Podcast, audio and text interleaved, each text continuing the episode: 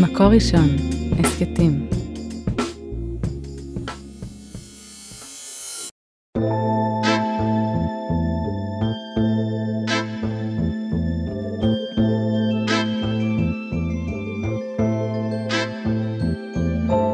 סטורי משלך, ברוכות אה, וברוכים הבאים לפודקאסט שלי, עליזה לביא. בעקבות האנשים שהיו פה לפנינו והמתנות אה, שהן הורישו לנו. פודקאסט אה, שלי כאן בראשונות. לאורך הדורות גילו נשים אחריות כלפי אחיותיהן לקהילה, הטיפו למציאות הדרכים אל ליבן. הרבה מהידע, הניסיון, החיים, הסיסטרהוד הנשי-יהודי לאורך אלפיים שנות גלות, הלך לנו לאיבוד. אנחנו זקוקות וזקוקים לידע הזה כאן ועכשיו. הוא חסר לנו, הוא מאוד מאוד חסר לנו. מאוחר יותר, בחיי הבוגרים, אני אקרא את וירג'יניה וולף, שתהדהד הבנה זאת במילים שלה, המילים המדויקות מאוד אה, שלה, את התחושה שנשאתי הרבה מאוד אה, שנים, תחושה שהובילה אותי ללכת, לחפש, לשאול, לחקור, גם כשלא מצאתי תשובות. הרבה פעמים אני אומרת גם לסטודנטים שלי וגם לילדים שלי, לכו אה, לחפש, גם כשהתשובה היא לא קיימת ולא נוכחת, שהבעירה קיימת והסקרנות, צריך ללכת ולעשות את המחקר. והמקום הזה של הידע והניסיון של האנשים היה לי מאוד אה, חסר בחיי. ובשלב יותר מאוחר, כמו שאמרתי, קראתי את אה, וירג'יניה, שאומרת, כנשים אנו מחפשות השראה אצל אימהותינו, אצל האימהות אה, שלנו. אז בפודקאסט הזה אנחנו נקדיש כל פרק לדמות של אישה מתקופות שונות בהיסטוריה היהודית, יחד עם אורחות ואורחים נשוחח על געגוע ועל זיכרון ועל ידע שאבד, אבל גם על ההופעה מחדש, על תובנות מעשיות אה, למציאות העכשווית, וכן, גם על מתנות קטנות לחיים. אז מה האפיון שנפוץ לנשים בתלמוד ובמשנה? הוא, הוא אחר והוא שונה מהנשים המקראיות, הדעתניות שפועלות אה, ועושות, ויש להן מה להגיד. בתקופה התלמודית אנחנו אפילו אה, לא שומעים לרוב את השמות של הנשים. אה, קצת על אשתו של רבי עקיבא, רחל, וכן, ברוריה, שנוזפת בחכמים, ואנחנו שמענו שהיא הייתה תלמידה חכמה ולמדה 300 הלכות ביום, אבל הן, הן הדמויות יוצאות הדופן בעוצמה שלהן. ואני, לשיחה שלנו כאן על בוריה ועל המקום שלה ועל הנוכחות שלה ועל עוד אה, נשים. רוצה לדבר עם אחד האנשים שאני יותר אה, אה, מעריכה במרחב הישראלי, גידי דר, הסרט החדש והנפלא של היוצר המשובח הזה, שגם נתן לנו במתנה את אושפיזין ועוד מלא מלא דברים טובים כאן. אבל הסרט אגדת חורבן של אה, גידי דר, שהוא אה, באמת אה, יוצא דופן, מורכב מלמעלה מ-1500 ציורים של אומנים. זה סרט אנימציה, זה לא סרט שמשחקים בו שחקנים. האומנים דוד פולונסקי ומיכאל פאוסט, ומשוחקים בקולות של שולי רנד וזאב רווח ומוני מושונוב, עמוס תמם, יעל אבקסיס. אגדת חורבן מביא בפעם הראשונה את אחד הסיפורים הגדולים בהיסטוריה, את סיפור המרד היהודי ברומא, שהידרדר למלחמת אחים והוביל לחורבן בית המקדש השני. ותגידי, גידי דר, אני רוצה אה, לשאול כמה שאלות. איך מספרים אה, סיפור עם אה, דמויות שנוכחות ונהדרות, ואיך משלימים את הפאזל?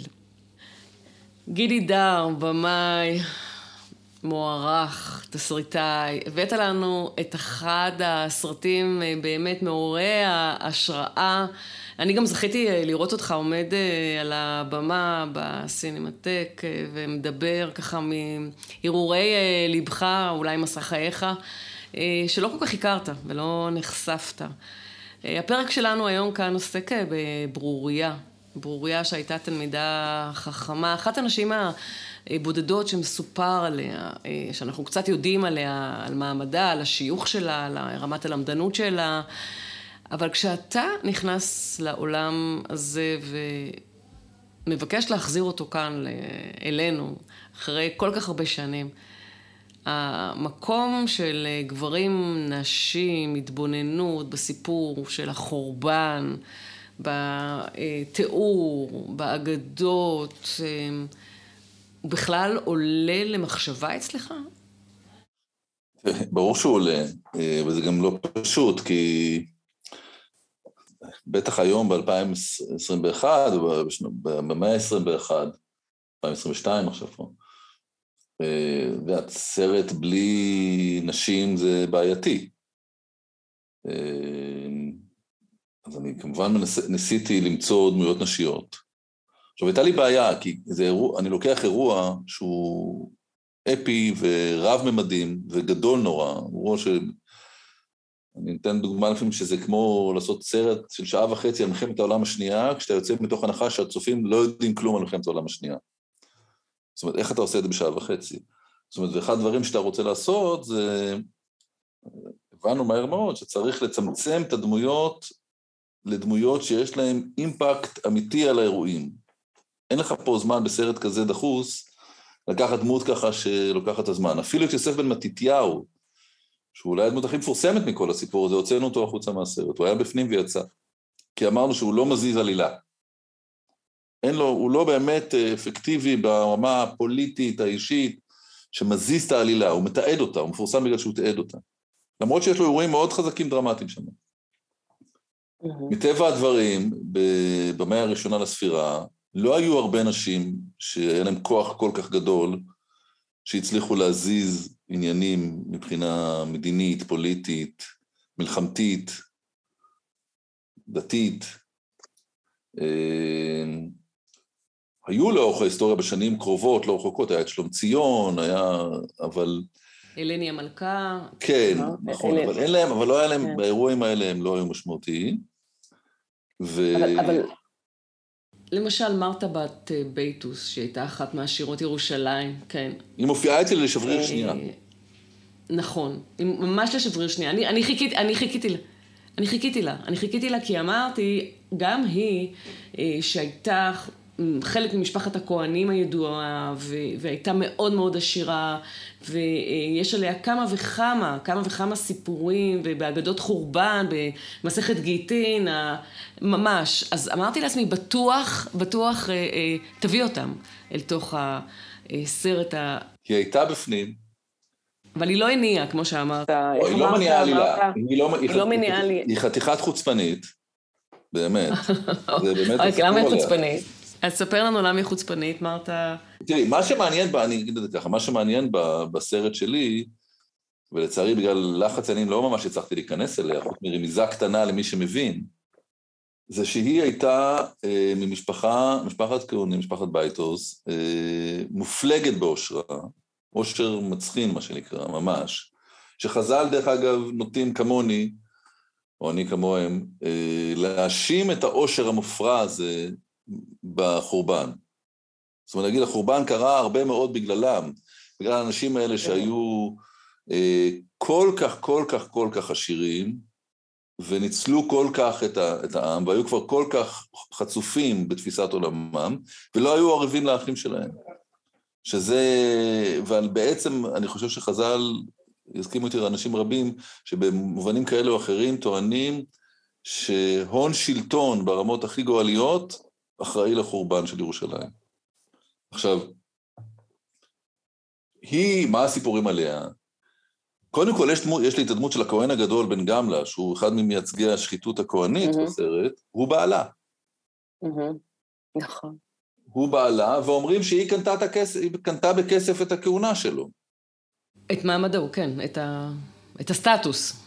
מתארים עליה דברים נוראים, מתארים עליה שהיא, שהיא נניח שמת בעלה ויש ייבום שם וצריכה לחכות, ואומרים לה, וקובעים לה פרנסה מסוימת, עשיר, משהו מטורף. כמה היא תקבל אה, מזונות, כי היא צריכה לחכות לאח הקטן שיגדל, אני כבר לא זוכר בדיוק על הסיפור הזה, עד שהיא מתחתנת. ושמים לה סכום מטורף, והיא מעיפה להם את זה בפנים ואומרת לכם שהבנות שלכם יחיו ככה. על, על, כזה, על, על כל כך מעט, שזה סכום מופרע. ואומרים כל מיני דברים עליה, שהיא הולכת, יש תיאור שם שגם בסרט יש לי חלק מזה, שהיא הולכת אחרי, אה, עם אבא שלה, הם הולכים לבית המקדש על, על אה, מליט של משי, על, על, על שטיח משי, שכדי לא לדרוך על הרצפה, וה, והעניים אחרי זה רבים על הקרעים של מה שנשאר מזה. זאת אומרת, כל מיני תיאורים באמת... באמת רש"י, כמה... רש"י מספר, ש... רש"י מספר שבעצם היא מתה מתחושת הגועל שה... לדרוך על האדמה, בדיוק. נכון, לדרוך, זה מה שרש"י אומר. כלומר, התיאור שעכשיו נתת רק מסביר עד כמה הגועל הזה, מהגועל הזה היא מתה. כן. נכון, נכון, זה אחת האפשרויות שהיא מתה. ובעצם הייתה לי סצנה, שלצערי ירדה כי היינו צריכים לקצץ ולקצץ ולקצץ, שבה כבר כשמשתלט הרעב הנוראי על ירושלים, ובן זכאי מסתובב עם תלמידיו, רבי יהושע ורבי אליעזר, והם רואים אישה, מה שרואים בסרט גם, זה אגדת חורבן, אישה כמו שלד כבר, שמחפשת אה, גרעינים בצואה של ה... של ה... של ה... אה, סוסים. של ה... כן. זה לא סוסים, זה חמור או משהו כזה. עד כדי כך. כן. ואז הוא מזהה שזאת היא. הוא אומר, אללה איסטר, תראה לאיפה הגענו, זאת הכי עשירה מכולם הייתה, תראה איפה היא נמצאת, מחפשת בצורה של הבהמות עכשיו את ה... את, את ה אם יש שם איזה גרעינים או משהו. ו... והיא מתביישת ועוטפת את עצמה בשיער שלה, כי ערומה גם, חסרת כל. אז הסיפורים מדהימים ומזעזעים, ועם זאת, כשאתה נמצא באקונומיה כל כך אכזרית של סרט כזה, של עריכה, אתה חייב לחתוך. וגם הייתה שם כפילות, כי בסוף, בוא נד... למה לדבר על מה לא עשיתי? בוא נדבר על מה כן עשיתי. אז לפני שאני מדברת על ברניקי, שקיבלה נפח עצום... היא מתחרה בה, היא, היא, היא על אותה משבצת איתה של העשירים. אבל אוקיי, אז הבחירה שלך לעסוק בברניקי, שתכף נדבר עליה, ולא במרתה. ודווקא לברניקי כן נתת נפח שהוא אמיתי, הוא דמיוני. איך? תספר לנו, כן, על השיקולים שלך, אבל גם כן. בהתכתבות, אה, כמו שאמרת, עם, אה, עם אנשים שלא מכירים מספיק את הסיפור של החורבן, שמגיעים לקולנוע ו, ולא רואים שחקנים, של איך מספרים סיפור, איך מקצרים תהליכים, ואתה בוחר אה, בסוף את ברניקי על, על המקום שאתה נותן לה בסרט. אז מה השאלה? לא הבנתי. הבחירה שלך בברניקי ובנפח שאתה נותן לה. תראה, קודם כל, אני, היה לי ברור שאני חייב אישה. אין חוכמות, אני לא יכול סרט שכולו מורכב מגברים. אני חייב אישה. עכשיו, אני אגיד לך משהו על ברניקי לפני זה. כשקוראים, הלוא ברניקי מוזכרת בכמה מקומות, קודם כל אצל יוסף בן מתתיהו היא מוזכרת הרבה מאוד, הוא גם הכיר אותה כמובן, והיא מוזכרת גם בברית החדשה, סתם לדעת עליה, היא הייתה, היא, היא נינתו, היא נינתו של הורדוס הגדול, mm-hmm. ובתו של אגריפס הראשון, המלך האחרון של יהודה, המלך המלא. היא גם מלכה, אבל היא מלכה בתואר, פחות בפועל. עכשיו, ו... ומוזכרת לדעתי, גם בתלמוד, לא מזכירים את שמה לדעתי, אבל מזכירים אותה למשל אה, בכמה דברים, כ... בסופו של דבר ברניקי הזונה, הם קוראים לה בסופו של דבר, והם אה, מאשימים אותה בהרבה דברים, והיו עליה הרבה האשמות, היא טיפוס חבל על הזמן. עכשיו, בדרך כלל, שיוסף, שהוא, יוסף בן מתתיהו, שהוא המקור המרכזי אליה, לדעת עליה, מתייחס בעיקר לאחיה, אגריפס השני. ואמרתי, טוב, עכשיו אני לוקח לעצמי איזה חירות פה, ואני שם אותה ומעיף אותו. כי אני לא יכול גם וגם. כיוצר.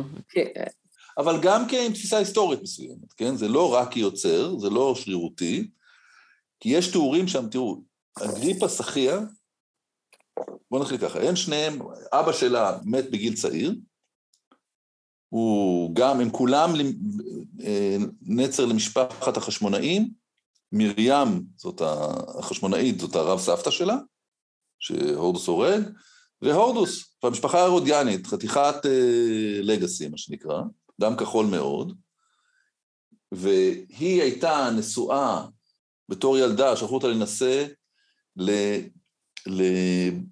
לאחיינו של פילון אלכסנדרוני במצרים, הפילוסוף הגדול של... שהאח שלו הוא אחד האנשים הכי עשירים בעולם, הוא אחד האנשים, האנשים הכי עשירים בעולם. והילד מת, היא צעירה והוא צעיר, הילד מת, והיא חוזרת הביתה, ואז מחתנים אותה עם דוד שלה, שהוא מלך קלקיס בסוריה, וגם ההוא מת, ואז, וכל פעם היא חוזרת, ויש לה, ויש לה, ומתחילות שמועות על זה שיש לה מערכת יחסים רומנטית עם אחיה, גריפס הראשון. ויכול מאוד להיות שהשמועות האלה היו נכונות, כי זה היה דבר שהיה מקובל אצל מלכים הלניסטים, והם היו מלכים... גילוי עריות. כן, והם היו מלכים. מדברים על גילוי עריות בין מלכים. כן, וזה היה מקובל אז, וכפי נראה שזה היה נכון. סביר מאוד שבאמת היה להם משהו. עכשיו, ואז בא עוד מלך אחד שמתאהב בה, הייתה כנראה אישה מאוד יפה ומאוד מרשימה ומאוד חזקה, והיא יודעת לשחק עם גברים, ובא פולימון, אם אני לא טועה, קוראים לו, מלך לא יהודי, והיא אומרת לו, אתה לא יהודי, אני לא יכול להתחתן איתך, אם אתה רוצה להתחתן, זה באמת מילה. והוא חותך, מה שנקרא, והם מתחתנים, ואחרי שנה היא זורקת אותו. אחרי כל המאמצים הנרחבים שהוא עשה, היא זורקת אותו. זאת אומרת, אנחנו רואים פה פאם פאטל מאוד מאוד רצינית. אם היא, אביה, צריך לזכור, היה סנטור ברומא.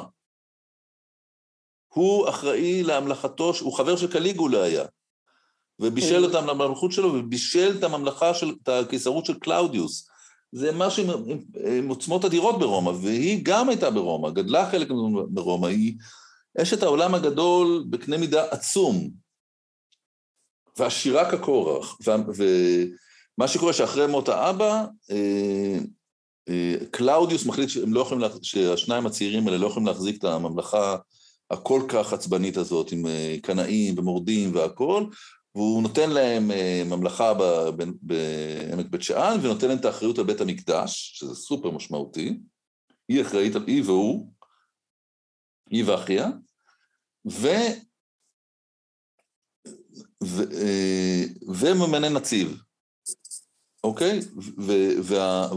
ובסופו של... ואז, עכשיו אני אומר, לתפיסתי, וכמו שאני קורא את ההיסטוריה, היא הייתה החזקה בין השניים.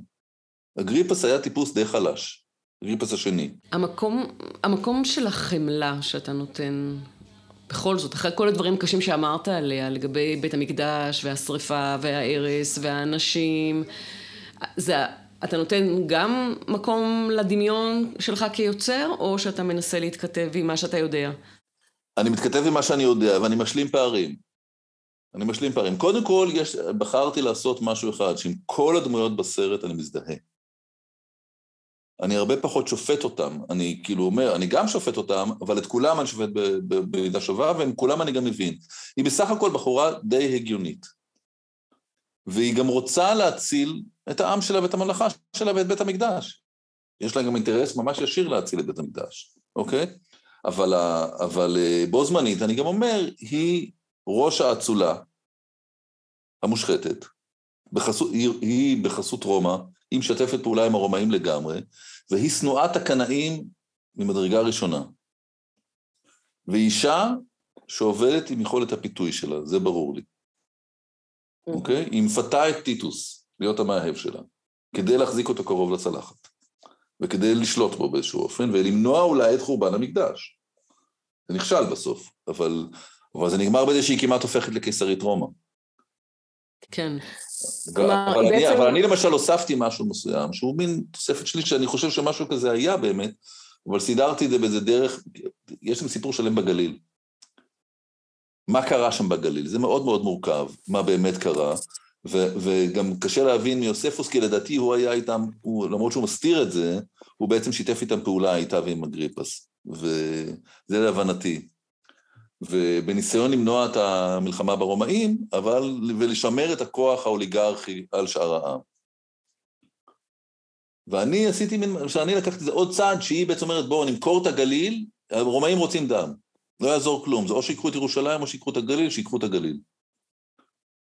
ואולי בזכות זה, ואז היא עושה, אבל הסיפור של הנשף למשל שהיא עושה, של נשף, נשף ניצחון של הרומאים הגדול על הגליל, big deal, היא עושה באמת, זה אמיתי היה. אז תחשבי איזה מצב, ש... זה גם אישה שלכודה בין הפטיש לבין הסדן, בין הרומאים מלמעלה והקנאים מלמטה, והיא צריכה... אבל משתמשת בכל, בכל התחבולות. אני לא יודעת מי היה המודל החיקוי שלה ומאיפה היא לומדת להתנהג בצורה הזאת, או בכלים הפיזיים והמעמדיים שלה. הכל באמת בשביל להציל את בני עמה? תראי, א', אני חושב שכן. אני חושב שהיא באמת, אה, באמת עשתה, תשמעי, מה זה פוליטיקאי? פוליטיק... היום שאנחנו רואים, גם פה אצלנו היום, נכון? יש הרבה פוליטיקאים חזקים למעלה, הם כולם תחמנים גדולים. וקרים מאוד, ואיך איך אמר דה גול? מדינות זה מפלצות קרות. אתה צריך להיות, אה, והיא בחורה שגדלה לתוך העולם הכי פוליטי שיכול להיות. היא היה לה בית ספר אצל אבא שלה ממדרגה ראשונה.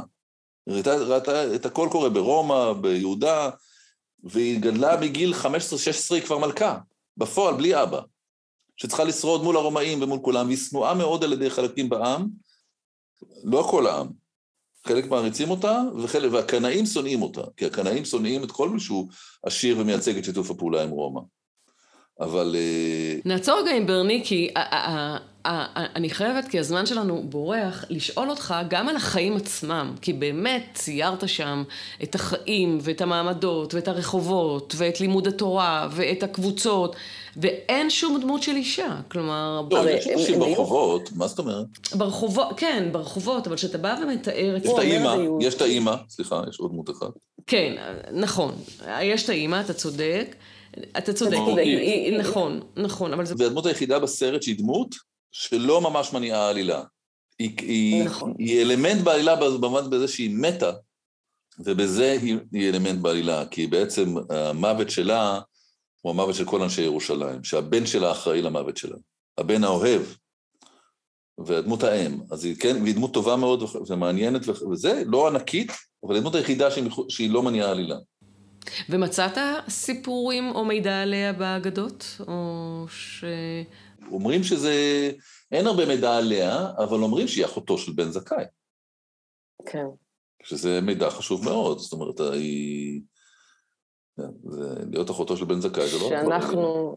כן, שאנחנו מעט ממש לא, לא יודעים עליה, וכמי שמחפשת באמת מידע על נשים, ובטח בתקופה הזאת בתלמוד ועל המעמד, אין לה, לרובן אין שם. אין להן שם ואין להן אה, שיוך כזה או אחר, והמעטות שיש להן, אה, הפאזל מאוד, אה, מאוד... תראי, אבל ההיסטוריה, תראי, ההיסטוריה היא ההיסטוריה של מנצחים. וברוב אלפי השנים האלה הגברים ניצחו. כוח פשוט, הם פשוט ניצחו, במובן לאו דווקא לטובה, אבל הם ניצחו, והם סיפרו את הסיפור. גם את הסיפור האלוהי שהאל עצמו נתפס כגבר, נכון. מה שבשלב יותר מאוחר כבר פחות. דרך אגב, הקבלה. וגם יוספוס, גם יוספוס שמחליט עבורנו מה נכנס להיסטוריה ומה לא נכנס להיסטוריה. בוודאי, הוא, הוא המנצח הכי גדול מכולם. אנחנו רק עכשיו מתחילים, בעשרות שנים האחרונות, מתחילים לבקר אותו. ולהגיד, רגע, רגע, אתה בעצם שכחנו שאתה בוגד, ושכחנו שאתה כתבת ל, ל, עבור הקיסרים, אנחנו בואו נסתכל על זה, אבל את המידע עצמו, אני לקחתי ממנו, וקצת מהתלמוד, וקצת מהנצרות, ושאבתי, ניסיתי לבנות את הפאזל מחדש של ברניקי. ולבנות דמות כזאת, שבעצם קצת מזכירה לי תמיד את סארסי ממשחקי הכס, שלדעתי, אני לא אתפלא אם הם הושפעו ממנה. מברניקי. אני ממש מאמין בזה, כי גם אני רואה מלכה שיש לה גילוי עריות, וכל התחמנות הזאת והכל, זה, זה הדמות של סארסי במשחקי הכס. אז אני ממש לא אתפלא אם זה יפה, זה, זה, זה, אם זה, לקחו מאיתנו את זה. צריך לברר איתו פעם, סופר. אבל, אוקיי, מאוד, אבל, מאוד אה, קשה, אבל מאוד קשה, תראי, כשאני חשבתי, לפעמים אני חושב על סדרה על הנושא הזה, ואז יש לי דמויות של נשים, אבל אני ממציא אותן. כמו מי למשל? מי תהיה בסדרה הבאה שלך? טוב, אני ממש מספר לך סודות... אה... לא. לא נגלה לאף אחד, גידי. יש לי איזה דמות של אשת כהן. אשתו של כהן, לא, כהן כפרי, לא כהן גדול. סיפור okay. אוקיי. מאוד מעניין דווקא. שנשבית, ו... שם ברור שיהיו הרבה נשים, כי אז אתה יכול לשחק עם זה, אבל אני גם, אם אני אעשה כזאת סדרה, אני חושב על זה, אז היא תהיה בדיוק הפוך מהסרט, מהסרט במובן הזה שהסרט, האתגר הגדול שלה לדחוס את הכל לשעה וחצי, ופה העניין יהיה לעשות את זה לכמה עונות, אז שלי, זה יהיה לי מרחבים הרבה יותר גדולים, ואז אני יכול לפתוח דמות של נשים, אבל אני צריך להמציא אותם את רובן. ומה אתה בת בית עושה דיברנו- היא תודה לך שהיא תקבל את התפקיד שלה, זה בזכותך. הלחץ שלך משפיע. פתחנו באמת את הפרק ב- בדמות של אה, ברוריה. ברוריה שהייתה תלמידה חכמה, ובאמת היה לה מעמד אה, גם בינה ובין בעלה במקום של הגישה שלה לחיים, אבל על אחותה מסופר שגם היא נשבתה. אה, גם היא הייתה... אה, רובה של זונות. כן, אז יכול להיות שבאמת יש לך פה אה, את המתח הזה, גם של המעמד. לא, אבל נכון. הרבה, הרבה נשים שנשבעו להם, או שהיו שפחות, או שהיו זונות. מה עשו בהם? נכון. ואז מאיר ואז הולך... יש לי רעיון מאוד יפה שמצא של איך לעשות, אני לא אגלה את הכל עכשיו, אבל אני... אבל מה לעשות עם דמות כזאת, אה, דמות שבסוף היא תגמור כמורדת גדולה, כאילו, אבל... אה, תשמעי, בסוף, יש גם את האגדת חורבן המפורסמת עם אשת הנגר. ספר לנו. אני כבר לא זוכר בדיוק עם או שה... שהוא האסיסטנט של הנגר, בסוף איכשהו משתלט עליה ולוקח את אשתו, והוא בסוף מוצא את עצמו משרת אותם, והדמעות שלו שנופלות לתוך ה... ועל זה חרבה ירושלים, על שחיתות. עכשיו לוקחים סיפור של שחיתות אה, מינית, רגשית, שמישהו שמתערב בזוגיות והופך אותה, ומקלקל אותה, ולוקח, משתלט על האישה. יש הרבה סיפורים. דרך אגב, כשאתה מדבר על דמויות, אני חושב שכשאתה מדבר על דמויות נשיות, ואתה מדבר על פמיניזם, ובקולנוע ובטלוויזיה, הן לאו דווקא צריכות להיות טובות. בוודאי, לא טובות. היא דמות מאוד מאוד פמיניסטית במובן הזה, היא דמות של אישה עם כוח, שנלחמת בתוך עולם של גברים, בכלל בדרכים שהן לא כולן גבריות. אבל, אה, ודרך אגב, לא רק המיניות, אלא גם, ה... גם החוסר כוחנות הישיר, זאת אומרת, שיותר בתחבולות עושה למלחמה מאשר נכנסת ראש בראש במישהו, על אגו. פחות האגו עובד שם, יותר המחשבה הקרה של איך לנהל את העסק יותר חכם ולנסות להציל אותו. כשבסוף יש לה אמביציה ענקית, זה צריך להגיד, ובסוף בסוף, כשהיא צריכה להחליט בין הצלת ירושלים לבין הקיסרות של רומא, אם להבנתי, היא בוחרת את הקיסרות של רומא. נאמנות ו... כן, נאמנות וגם ההבנה מה יהיה לה בהתאם. גידי, ממש לסיום, אה, לספר את הסיפור הזה לכאן ולעכשיו, לאנשים שלא מכירים את רוחב היריעה. התגובות שאתה מקבל בהיבט הזה של אה, ההיעדר של נשים, קיים? כלומר, יש תגובות כאלה? שואלים אותך? כן, בטח, בטח. תשתף אותנו. לא, שואלים למה אין נשים? למה אין הרבה נשים? כמו, יש אישה, יש שתי נשים, אבל אין מספיק, ברור ש... אבל אני אומר, תשמעו, מה אני יכול לעשות? זו התשובה שלי, מה אני יכול לעשות? עסק נוהל על ידי גברים. אני לא יכול... אה, זה כמו שהיום בעולם הפוליטיקלי קורקט שלנו שואלים אותי למה אין שם שחור ואין שם סינית ואין שם... אז אני אומר, דווקא, דווקא טאנסד אולי היו שם אצל הרומאים, כי דווקא הם היו מבחינה מינית מאוד משוחררים, ושחורים היו עבדים, אבל, אבל לא נכנס. מה אני יכול לעשות? אני בסוף, בסוף בסוף כשאני פועל אישית, אני פועל ממה שטוב לי בסיפור. אני מנסה לחשוב על הדברים האלה, אני פועל מה טוב לי בסיפור. אבל, ואני לא יכול, ויש גבול כמה שאני מוכן לכופף אותו בשביל עקרונות של, שמהם מחוץ לזה. אבל בכל זאת, אתה מתכתב עם המציאות של חיינו כאן ועכשיו, ואני בטוחה שזה משותף לכל מי שצופה, צופה בסרט, ההתכתבות הזאת עם המציאות של החיים שלנו, עם מחשבות, עם מחירים, עם לאן אנחנו לוקחים את עצמנו. התיאור הזה של רגליים עדינות שטובלות בזוהמה ברחוב, קיימת גם כאן, ואת זה אמרת בצורה מאוד מאוד חזקה בסרט. כן. זה, אני חושב שבסוף, ה, ה, מעבר לנשים וגברים, זה בסוף ה, השחיתות והפערים הקשים מאוד לא יכולים להיגמר טוב. בסוף, ובסוף זה, כולם ילכו עם זה כפות, לא רק אלה שלמטה, גם אלה שלמעלה. למעשה אלה שלמעלה ילכו ראשונים. כמו, שקרו, כמו שרואים בסרט, שהם הלכו ראשונים. אותם בסוף... סוג של נבואת זעם, גידי, מבחינתך? חרדה, לא יודע אם נבואה, אני מסתכל על זה, אני לא, אני לא נביא, אני לא יודע מה יהיה, אני רק מסתכל על הדינמיקות ואומר, זה כבר קרה, נכון? זה כבר קרה פעמיים. ואנחנו גם לא העם היחידי שזה קרה לו, זה גם קרה לעוד פעמים בדינמיקה דומה. גם תסתכלי על הערבים מסביב, תראי, זה גם דומה, ששחיתות נוראית תוביל אותם למין חורבן פנימי נוראי. בסוף בדרך כלל עם, במיוחד היהודים, הוא האויב הכי גדול של עצמו.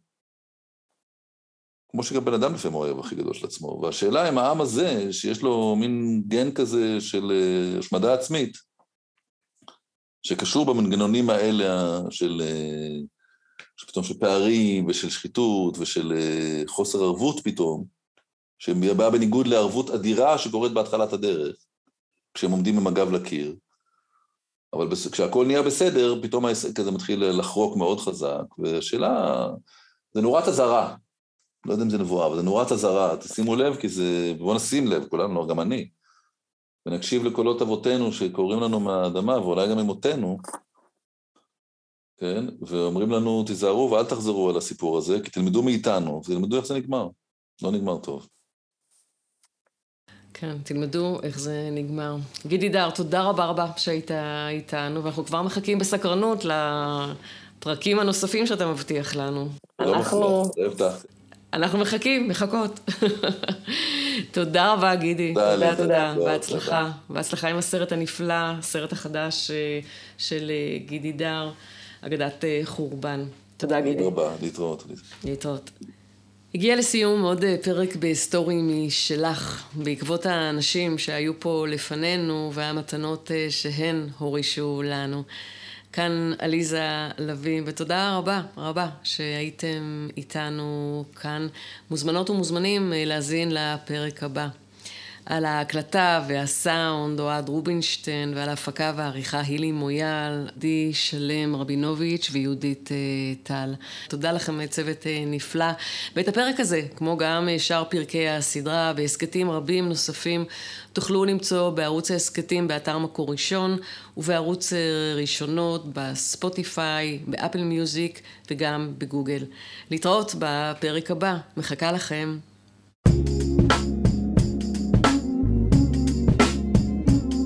מקור ראשון, הסכתים.